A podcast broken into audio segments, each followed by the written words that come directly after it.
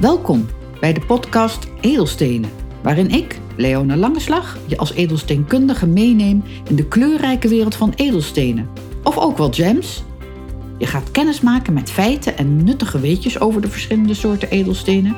En ik daag je uit om verder te kijken dan je neus lang is. En vertel je graag over mijn belevenissen. Ook geef ik tips en tools die je kan gebruiken om instinkers of zelfs dure miskopen te voorkomen. Vertrouwen is goed, maar meten is weten. Leuk dat je luistert.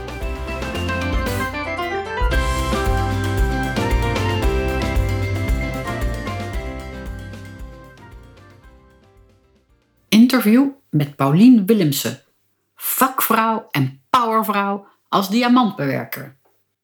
Welkom Paulien. Wat hartstikke leuk uh, dat je met mij een interview uh, uh, wil doen. En ik ben echt heel blij dat jij als powervrouw en super diamantbewerker de tijd wil nemen om over je vak te vertellen. Over de liefde voor diamant. En ons toch ook een kijkje in de keuken te geven. Ja, wat er allemaal bij komt kijken. En we hebben elkaar volgens mij ontmoet, dikke zes jaar geleden, op een lezing waar je voor het Gemologisch Gilde bij het Geologisch Museum Hofland een lezing hield. En daarna ben ik nog twee keer met buitenlandse mensen bij je geweest, want die waren ook super enthousiast. Uh, ja, om te zien wat jij allemaal met uh, diamant kan nou ja, maken. En, en, en hoe kleiner, hoe mooier. Dus welkom en super dat je de tijd uh, voor me wil nemen. Om maar gelijk even ja, met het begin te beginnen. Hoe ben je eigenlijk in het vak terechtgekomen? En ja, hoe ben je zo ver gekomen? Ik was zeven jaar oud. En toen zat ik met mijn moeder in uh, de bus in Amsterdam. En de mensen demonstreerden daar toen tegen de sloop van het Waterloopplein. Okay. En alle diamantslijperijen zijn eigenlijk in de oude Joodse buurt van Amsterdam op het Waterloopplein begonnen. Ja. Maar na de Tweede Wereldoorlog is het hele ge gebiedje eigenlijk niet meer uh, opgekomen. Dus de gemeente Amsterdam had besloten om dat gebied te slopen en daar de stopera neer te zetten. Dus ik vroeg aan mijn moeder, wat is er aan de hand? En dat vertelde ze allemaal. En toen wist ik dat ik diamantslijper wilde worden. Toen al? Toen al. Geweldig. Er kwam, overkwam mij iets en toen wist ik het gewoon zeker van ooit word ik diamantslijper. Oh, geweldig. Ja, nou ja, uiteindelijk was ik uh, pas uh, 22 uh, toen ik een opleiding kon doen. En eerst dachten mijn ouders nog van, nou misschien moet ze naar Schoonhoven of zo, want dat is een goud- en edelsmidopleiding. Maar dat is het niet, want goud en zilver, dat is zacht en daar kan je mee doen wat je wil. Maar ik wil echt iets met, met die, met die uh, diamant, het hardste materiaal op aarde. Dat ik de techniek beheers om daar iets moois van te maken. Dat heeft me altijd aangesproken. En toen ik 22 was, toen was er opeens een opleiding in Amsterdam. Mm -hmm. uh, de vijf grote diamantairs van die tijd, Van Moppes, Gazan, Holshuizen, Stoeltie... Amsterdam Diamond Center en Koster hadden een opleiding uh, gestart. En ze hadden een uh, Belg ingehuurd, dat was uh, een meesterslijper.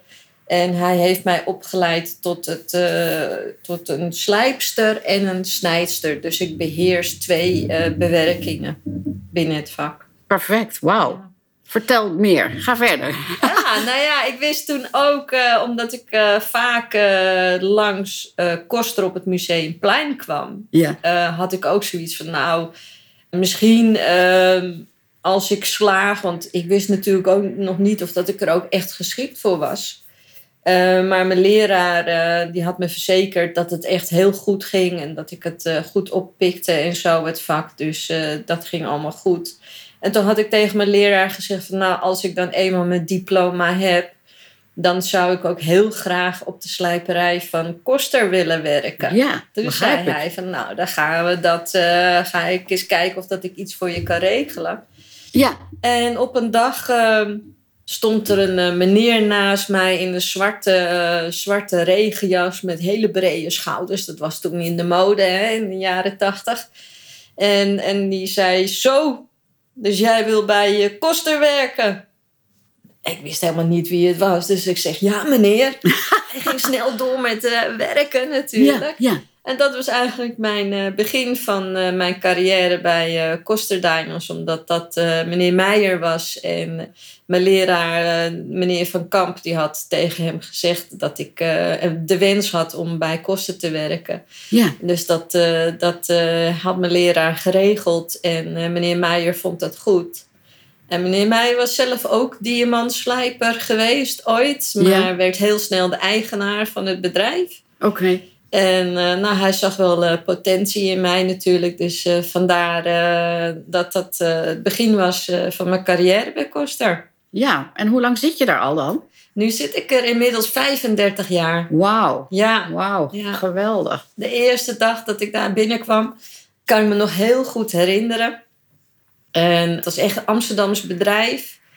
De slijpers waren wel allemaal stukken ouder dan ik. En allemaal mannen ook. Ik was ook na de Tweede Wereldoorlog was ik de eerste vrouwelijke diamantslijpster. Tjoe, ja. Ja, en ik werd uh, ja, snijdster en, en, en slijpster. Dus uh, ik, uh, alle stenen voor de heren, die sneed ik. En af en toe was ik ook een beetje aan het slijpen tussendoor. En ja, vandaag de dag is het meer slijpen en dus uh, we hebben ook niet meer zoveel slijpers, helaas. Hè? Al die slijpers van toen, uh, die zijn er ook niet meer. Nee, nee. En, maar goed, uh, het was voor mij echt een, een wereld die voor me open ging. En ik vond het geweldig. En al die oude slijpers, die hadden ook allemaal mooie verhalen. En uh, over de vakbond. Of, uh, en dan dacht ik van, hoezo? Uh, wat is er met de vakbond? Ja, we moesten altijd heel veel contributie betalen, die vakbond en dit en dat. En op een dag vroeg ik mijn, mijn baas, wie is toch eigenlijk meneer Koster? Want u heet meneer Meijer. Ja. En toen zei hij, als je het leuk vindt om onderzoek daarnaar te doen, ga je gang. Oké. Het bedrijf is namelijk na de Tweede Wereldoorlog uh, door meneer Meijer weer opgebouwd. En uh, tijdens de Tweede Wereldoorlog zijn alle originele documenten vernietigd door de ja. nazi's. Ja, verschrikkelijk. Ja, en het waren natuurlijk allemaal Joden in het vak. En ook Koster ja. was echt een Joods bedrijf. En zij mochten natuurlijk geen uh, bedrijf leiden. En, maar de mensen die het bedrijf weer opgebouwd hebben na de Tweede Wereldoorlog... hebben eigenlijk nooit de tijd gehad. Want ze waren al lang blij dat ze weer de econo economie konden opbouwen en Ja, zo. Dus ja. de geschiedenis was niet zo heel erg belangrijk. Nee. Maar ik vroeg me wel af wie meneer Koster was. Dus eh, meneer Meijer zei: ga maar eh, onderzoek doen eh, daar naartoe als je dat leuk vindt. Dus dat heb ik gedaan. Jarenlang ook in de archieven ge geneust naar Oh. alle in- bijzondere informatie van Koster. Oh, leuk. Ja, en nou, wat ik allemaal tegengekomen ben, dat is gewoon niet normaal. eh, wat voor een bijzondere geschiedenis het bedrijf heeft. En eh, zoals het slij- herslijpen van de Kohinoor bijvoorbeeld. Ja, En andere beroemde diamanten, de Star of the South of ja. de Green Dresden. En nou, iedere keer kwam ik weer met eh, bijzondere vondsten terug uit de archieven. En nou, dat vond meneer Meijer ook echt eh, heel bijzonder. Ja. En eh, Kees Nomen ook. Dus, eh, en Donnie Griffioen later. ja. En Ah. ik heb in al die geschiedenis heb ik aan burgemeester van der Laan gegeven. En Ja. gezegd dat dit het bedrijf ook echt het predicaat koninklijk verdient. Ja, En er was natuurlijk al een slijperij, Ascher, die het predicaat had. Ja. Gelukkig eh, zag eh, de stad Amsterdam, de de burgemeester van de Laan en eh, koning Willem-Alexander toch de noodzaak in. En, en, en de voordelen en de, van de bijzondere geschiedenis die Koster heeft, om het toch ook echt het predicaat koninklijk te geven. Dus daar Ja. ben ik ook echt heel Nou. erg trots op. ja dat Ja. kan me voorstellen. Daar heb je dus ook wel hard voor gewerkt. Naast, naast het vak, hè? Eh, Zeker, ja, zeker. Dus eh, toen ik in de archieven ging zoeken, was het ook nog niet gedigitaliseerd. Dus je moest echt zo in de kaartenbakjes eh, Ja, zoeken. ja. En, maar ja, omdat al mijn oudere collega's zoveel verteld eh, hadden, kon ik eh, heel goed linken leggen. En Ja. opeens had ik van, oh, dat bedoelt Kees de Moor. Oh, dat bedoelt Rieners Vermeulen. Oh, nou snap ik het. Ja. En, en Nou ja, Ja. geweldig dat dat, dat toch allemaal boven water is gekomen. Want ja, ik kom door origine zelf uit een familiebedrijf wat dan niet meer bestaat. Maar het zijn wel mooi, toch ook mooie, mooie dingen. Hè, als als zo'n ja, eigenlijk, eh, bedrijf ontstaat vanuit de familie. En dat uiteindelijk koninklijk wordt. Dat is Klopt. bijzonder. ja, klopt. Kan je voor eh, de, de niet-kenner eigenlijk ook nog even uitleggen wat het verschil is tussen snijden en slijpen? Ja, zeker. Er zijn verschillende bewerkingen. En het begint eigenlijk met het kloven. Dat is eh, dat je een diamant in tweeën verdeelt. Of je kan het bijvoorbeeld ook in negen stukken verdelen. Maar de diamant moet zich daar wel voor lenen. Ja. Zoals de Cullinan bijvoorbeeld. Dat is de grootste diamant ooit gevonden. 3100 karaat. En die hebben ze in negen stukjes verdeeld. Ja. En dat is dus het kloven. Ja. Daarna, eh, stel dat je een eh, briljantvorm wil maken. Dan moet je de diamant rond maken. Oké. En, en dat is dus het snijden eigenlijk. En dat doe je aan de hand met een ander stukje diamant. Ja. Dan als stel dat de ruwe diamant vierkant is eh, en je maakt hem rond, dan verlies je de hoekjes eigenlijk. Ja. We verliezen 20% met het snijden gemiddeld. Ja. Eh, maar dat vangen we ook weer op, die poeder. Ja. En die poeder, dat smeren we dan weer op een schijf Ja. als we gaan slijpen. En dat is dus eigenlijk de laatste bewerking. Het slijpen, dan, eh, je kan het eh, ook vergelijken met een aardappel eigenlijk. Hè. We willen allemaal een mooie ronde aardappel op ons bord hebben. Dus dan gaan we schillen. Ja. En eh, dan gaan we de pitjes eruit halen en alle oneffenheden. En dat is ook met het slijpen. En dan maken we 57 verzetjes op een diamant. Op een, als het een briljant moet worden. Ja. En bij Koster hebben we dan ook nog onze eigen slijpvorm. Dat is de Royal 201. En die heeft ook 201 verzetten. Dus Ja. Hè, dus je hebt ook verschillende slijpvormen. Je hebt emerald, eh, je hebt eh, marquise, ovaal, de pear shape, noem maar op. Ja. Ja. En je kan ook andere edelstenen in die vormen maken. Maar kost is echt een diamantslijperij. En een diamant onderscheidt zich van alle andere edelstenen... omdat het het hardste materiaal ter wereld is. Ja, en ook alleen met diamant geslepen kan worden. Toch? Ja, bedoel, ja. eh, en dat is uiteindelijk, hè, nu we het veel over duurzaamheid hebben, ook best wel mooi dat eh, alles van dat ruwe stukje gebruikt kan worden. Om uiteindelijk weer een mooi product te maken. Dus, Ja. dus, dus hè, ik bedoel, je, je hebt eigenlijk dan weer geen verlies. Toch? Nee, klopt, zeker. Dus, Dat is ook zo. Ja, dat is het eh, bijzondere van, eh, van het hardste materiaal op aarde. Ja. Je kan het alleen maar met diamant bewerken. Ja. ja. En stel dat ik een saffier of een smaragd op mijn schijf zou zetten, Mhm. dan spat het uit elkaar. Ja. Omdat er diamantpoeder eh, op de schijf zit. Ja, waanzinnig. Echt Ja. leuk, leuk. Oké, en wat maakt voor jou het vak van diamantslijper zo bijzonder?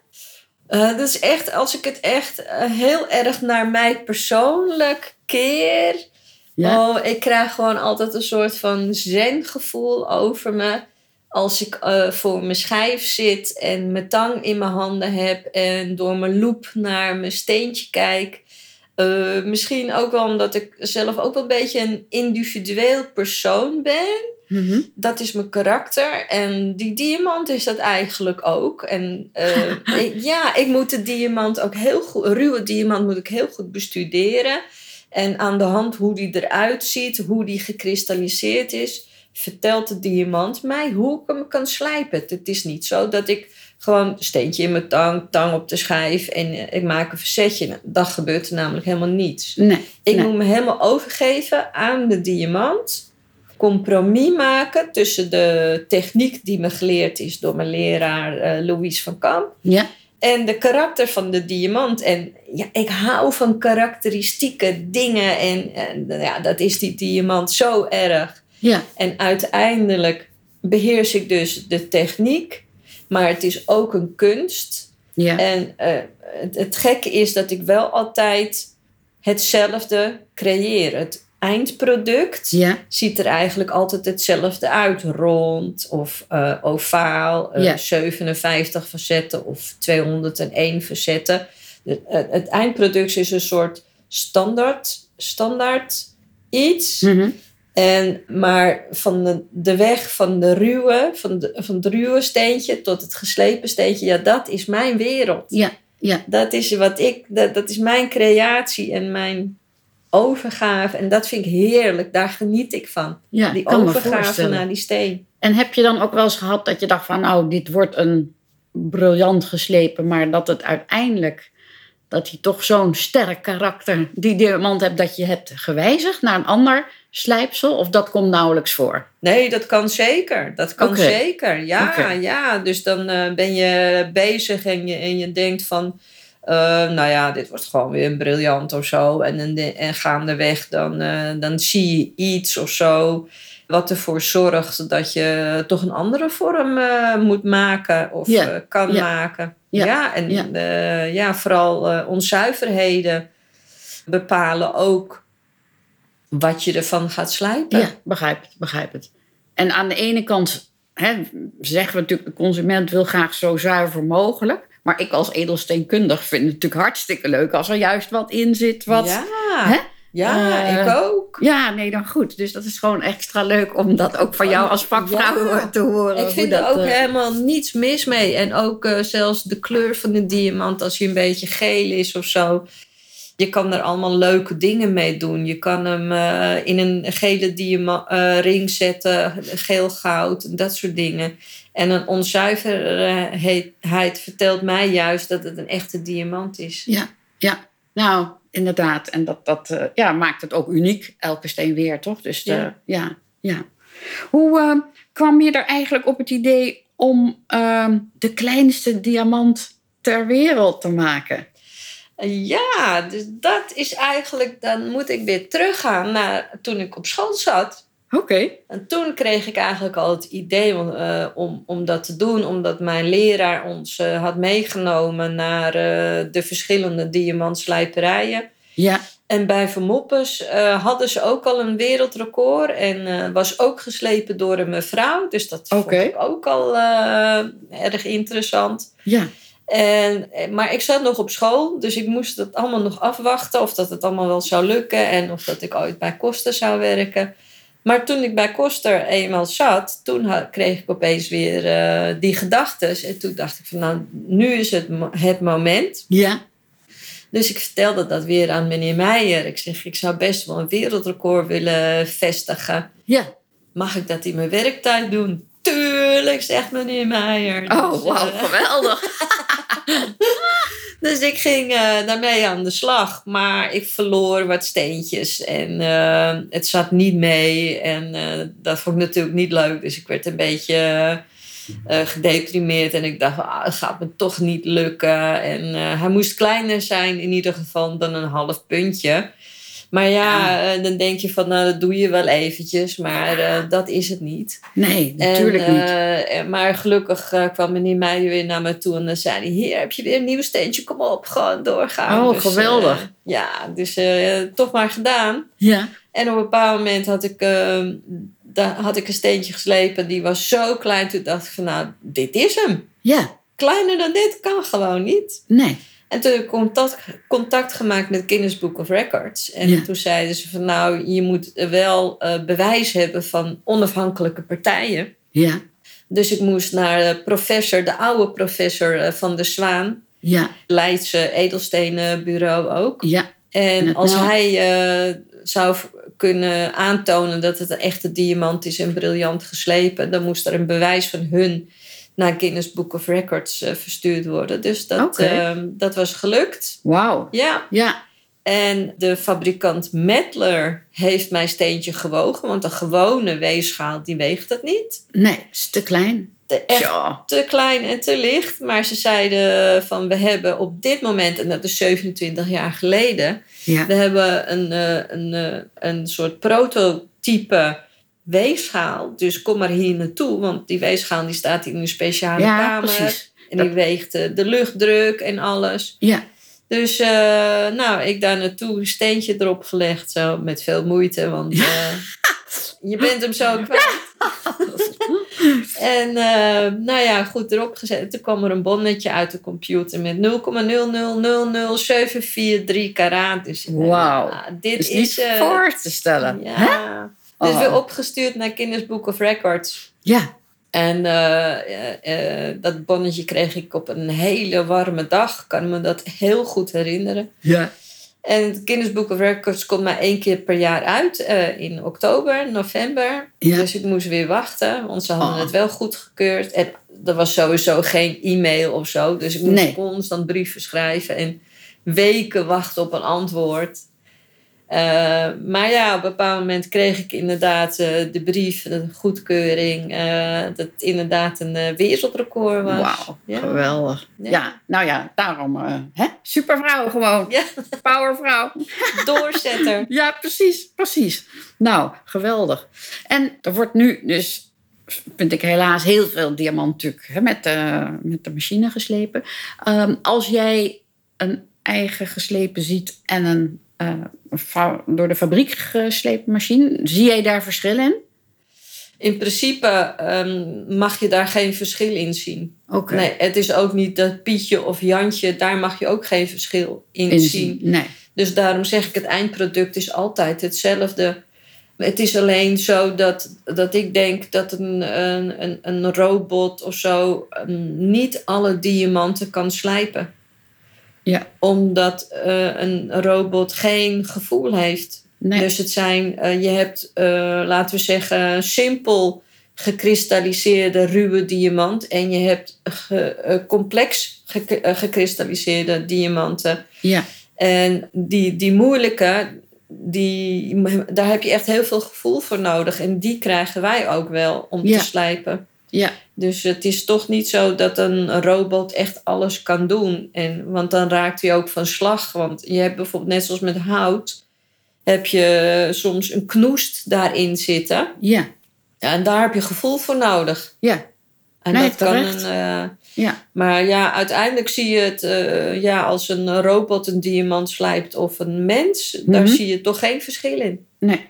Nee, oké. Nou ja, het is terecht wat je zegt dat het niet zou moeten zien. Maar ook eigenlijk wel weer mooi dat uiteindelijk vakmensen nodig zijn om de ingewikkelde ruwe diamant te slijpen. Dus dat is ook wel iets moois voor de toekomst. We, we, hè, we, we moeten ook met vakwerk blijven eh, werken en met mensen. Ja, zeker. Ook om dat stukje gevoel er nog eens in te krijgen. Dus dat, dat uh, blijkt te horen. Dat er toch altijd ook vakmensen nodig blijven. Um, heb je het vak zien veranderen in jouw hele loopbaan? Ja, ja sowieso. Ik, ik heb al gezegd toen dat ik tussen de oude heren kwam. En zij zeiden al, het vak is niet meer zoals vroeger. En dat is natuurlijk ook wel zo. En vroeger was het echt een industrie voor Ja. de Tweede Wereldoorlog. Uh, het was de grootste groep arbeiders. En zij hebben bijvoorbeeld ook uh, een, een, vakbond opgericht, Algemene Nederlandse Diamantbewerkersbond. Ja. En vandaag de dag uh, zijn er nog maar in Amsterdam, ik denk dat er nog maar 15 diamantslijpers zijn. Terwijl voor de Tweede Wereldoorlog waren er duizenden. Ja, ja. En uh, nou ja, zoals ik al zei, mijn collega's die zeiden altijd al van oh, het, het vak is aan het verdwijnen. En dat vond ik altijd heel erg als ze dat zeiden. Want Ja. ik wilde diamantslijper worden. Ja, En toen dacht ik ook wel van, uh, dat het uh, belangrijk was om het vak door te blijven geven. ja, En dat er bekendheid aangenomen werd dat het een uitstervend beroep is. Dus toen heb ik het initiatief genomen om een vak voor te dragen voor de Nationale Inventaris Immaterieel Cultureel Erfgoed. In 2013 en in 2013 is het vak ook Nederlands erfgoed geworden. Ja, Dus, eh, geweldig. ja, ja. Betekent dat ook automatisch dat er wel altijd mensen opgeleid worden tot diamantslijper? ja, zeker, klopt. Zou ik het ook nog kunnen worden? Vind ik wel, zeker. Oké. Ja, het is dat- ook, ja, Biedt weer perspectief.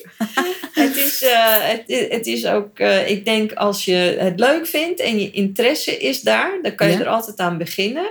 Eh, maar gaandeweg moet je ook wel kijken of dat je er echt voor geschikt voor bent. Heb je het geduld? Kan je je overgeven aan die ruwe steen? je zit toch wel de hele dag en Ja. je, je maakt een, eh, steeds dezelfde beweging. Ja, Kan je je daaraan overgeven? Eh. Dat soort dingetjes. En, eh, maar als je het leuk vindt, dan vind je het leuk. En heb je een beetje een vaste hand en kan je goed door de loop kijken. Ja. Dat zijn allemaal dingetjes die, die oh, door een bepaalde periode kom je er pas achter van eh, dat het echt iets voor je is of niet. ja, ja. Maar in principe kan iedereen het vak leren als je het leuk vindt.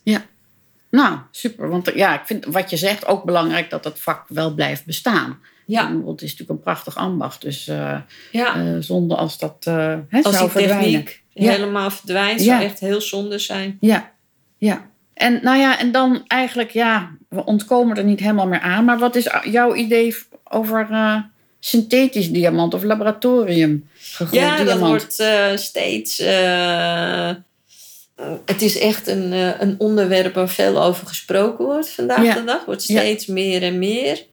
Het is natuurlijk wel knap als je een diamant kan namaken. Ja, vind ik ook. Ben ik met je eens. Eh, dat vind ik nou wel weer een beetje een grappige techniek. Maar ik blijf altijd voor de natuurlijke diamant. Het, het, daar gaat het mij juist om. Dat stukje natuur wat de aarde ons schen- ons schenkt eigenlijk. Ja, Ja. dat vind ik mooi. En eh, de, de insluitsels en dat soort dingen. De eh, karakter van de steen die ik moet bestuderen. Zoals wat ik al Ja. omschreef in het begin. Ja. En ik kan ook niet zeggen of dat ik ooit een, een synthetische diamant of een eh, lab-grown diamond geslepen heb, want dat weet ik niet.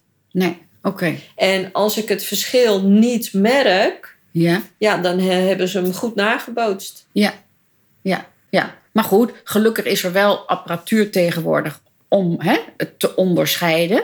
En dat, dat vind ik ook echt wel belangrijk. Van ja, er is ook een groot prijsverschil. Dus ik, ik, voor mij is het belangrijk dat als iemand echt voor het natuurlijke wil gaan, dat hij ook de mogelijkheid heeft dat te zien en dat te laten testen. Zeker. Hè? Want Zeker. dat, dat is echt wel van groot belang.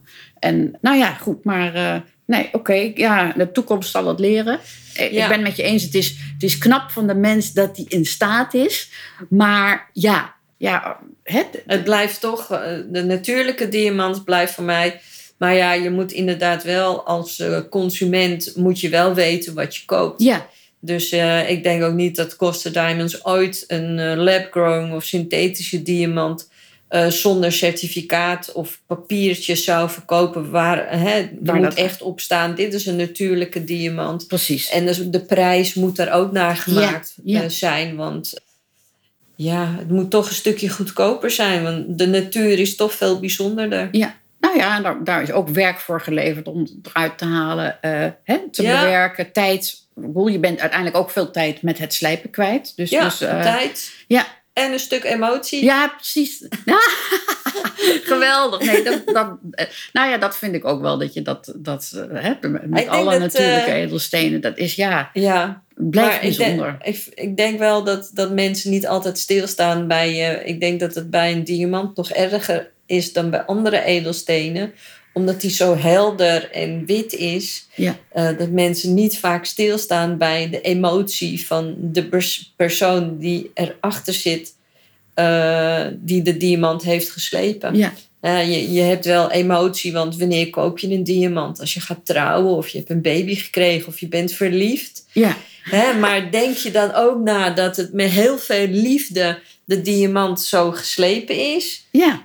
Dat denk ik niet, maar ik hoop het wel. Ja, nee, nou, ik denk dat je hiertoe zeker een bijdrage hebt gegeven om daar, dat de mensen daar nog bewuster van worden. Want het is uiteindelijk wel, dat is toch ook prachtig? Ja, Ja. ja. zeker. Met liefde gemaakt en met liefde gegeven. En hopelijk hè, met liefde wordt het gedragen dan. Ja. Dus ja, nou Ja, ja, het is ook zo dat eh, je hebt bijvoorbeeld ook eh, de, het eh, systeem van de vier C's. Hè? Ja, Wat ga je nou voor een diamant betalen en wat wil je betalen? De vier C's zijn de eerste C is van karaat, het gewicht is dat. mhm. 1 karaat is 0,2 gram.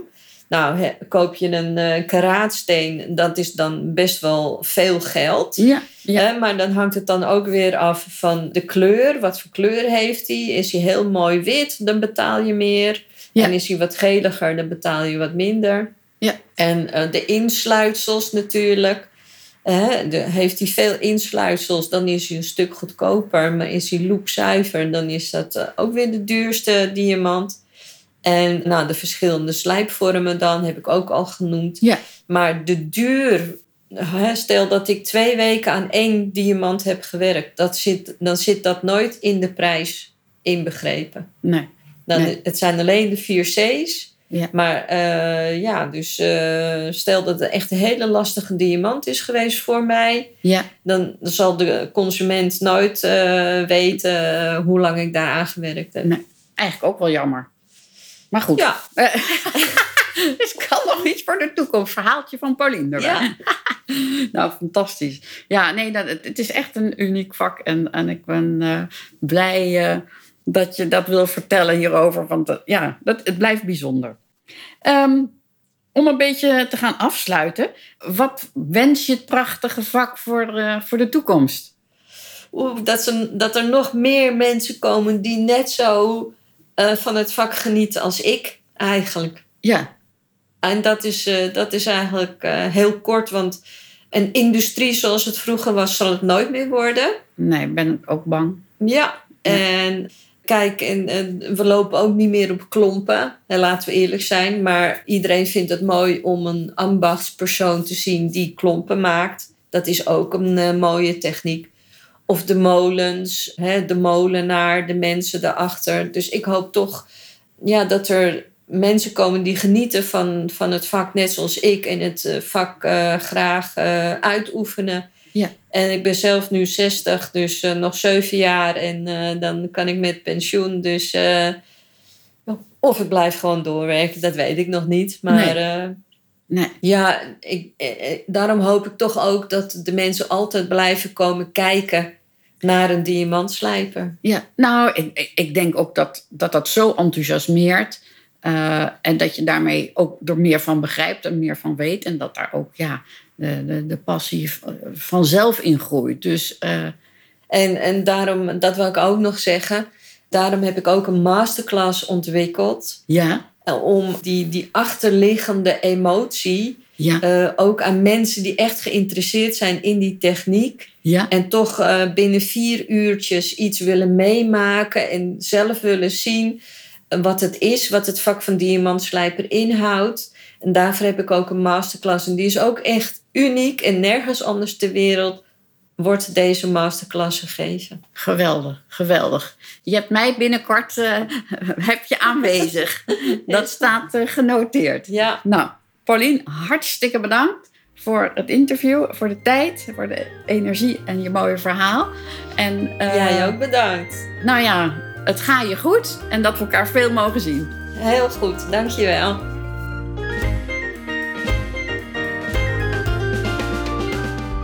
Wat goed dat je geluisterd hebt naar deze podcast.